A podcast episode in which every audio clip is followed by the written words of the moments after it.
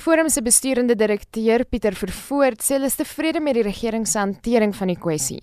Hy het egter kommer uitgespreek dat betrokke rolspelers moontlik te vinnig gaan aanneem dat die probleem verby is. Die virus is nog in sirkulasie. Ons moet baie versigtig wees. Ons moet seker maak dat die maatreëls wat in plek is nie van ons afsaam word nie en dat mense die reëls wat in plek gesit is en wat so mooi nagekom is deur al die mense in Suid-Afrika dat ons net mooi dink voor ons nou gaan planne maak wat moontlik die verspreiding weer gaan aanhelp. Ons moet baie versigtig wees op hierdie stadium. Hy sê verder dat daar tog onder bepaalde omstandighede handel gedryf kan word. Veiling mag nog steeds plaasvind, maar dit mag net van 'n een bron wees. Transaksies van diere tussen twee persone mag nog steeds plaasvind. Al wat ons wil verhoed is dat diere van meer as een bron bymekaar kom.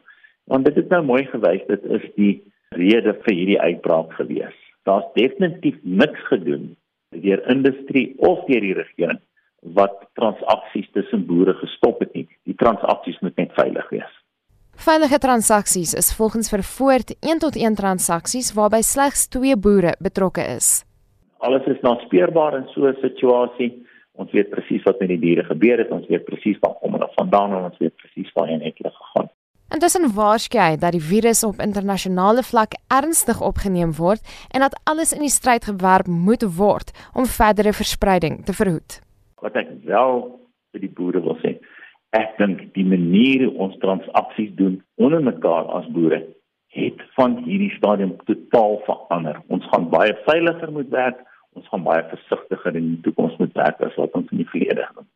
Ons het twee uitbrake laas jaar van back in flow in Suid-Afrika gehad as gevolg van onverskillige verskuiwing van diere. Dit was die besturende direkteur van die Nasionale Dieregesondheidsforum, Pieter Vervoort. Ek's Marlene Verschiefer, SAK nuus.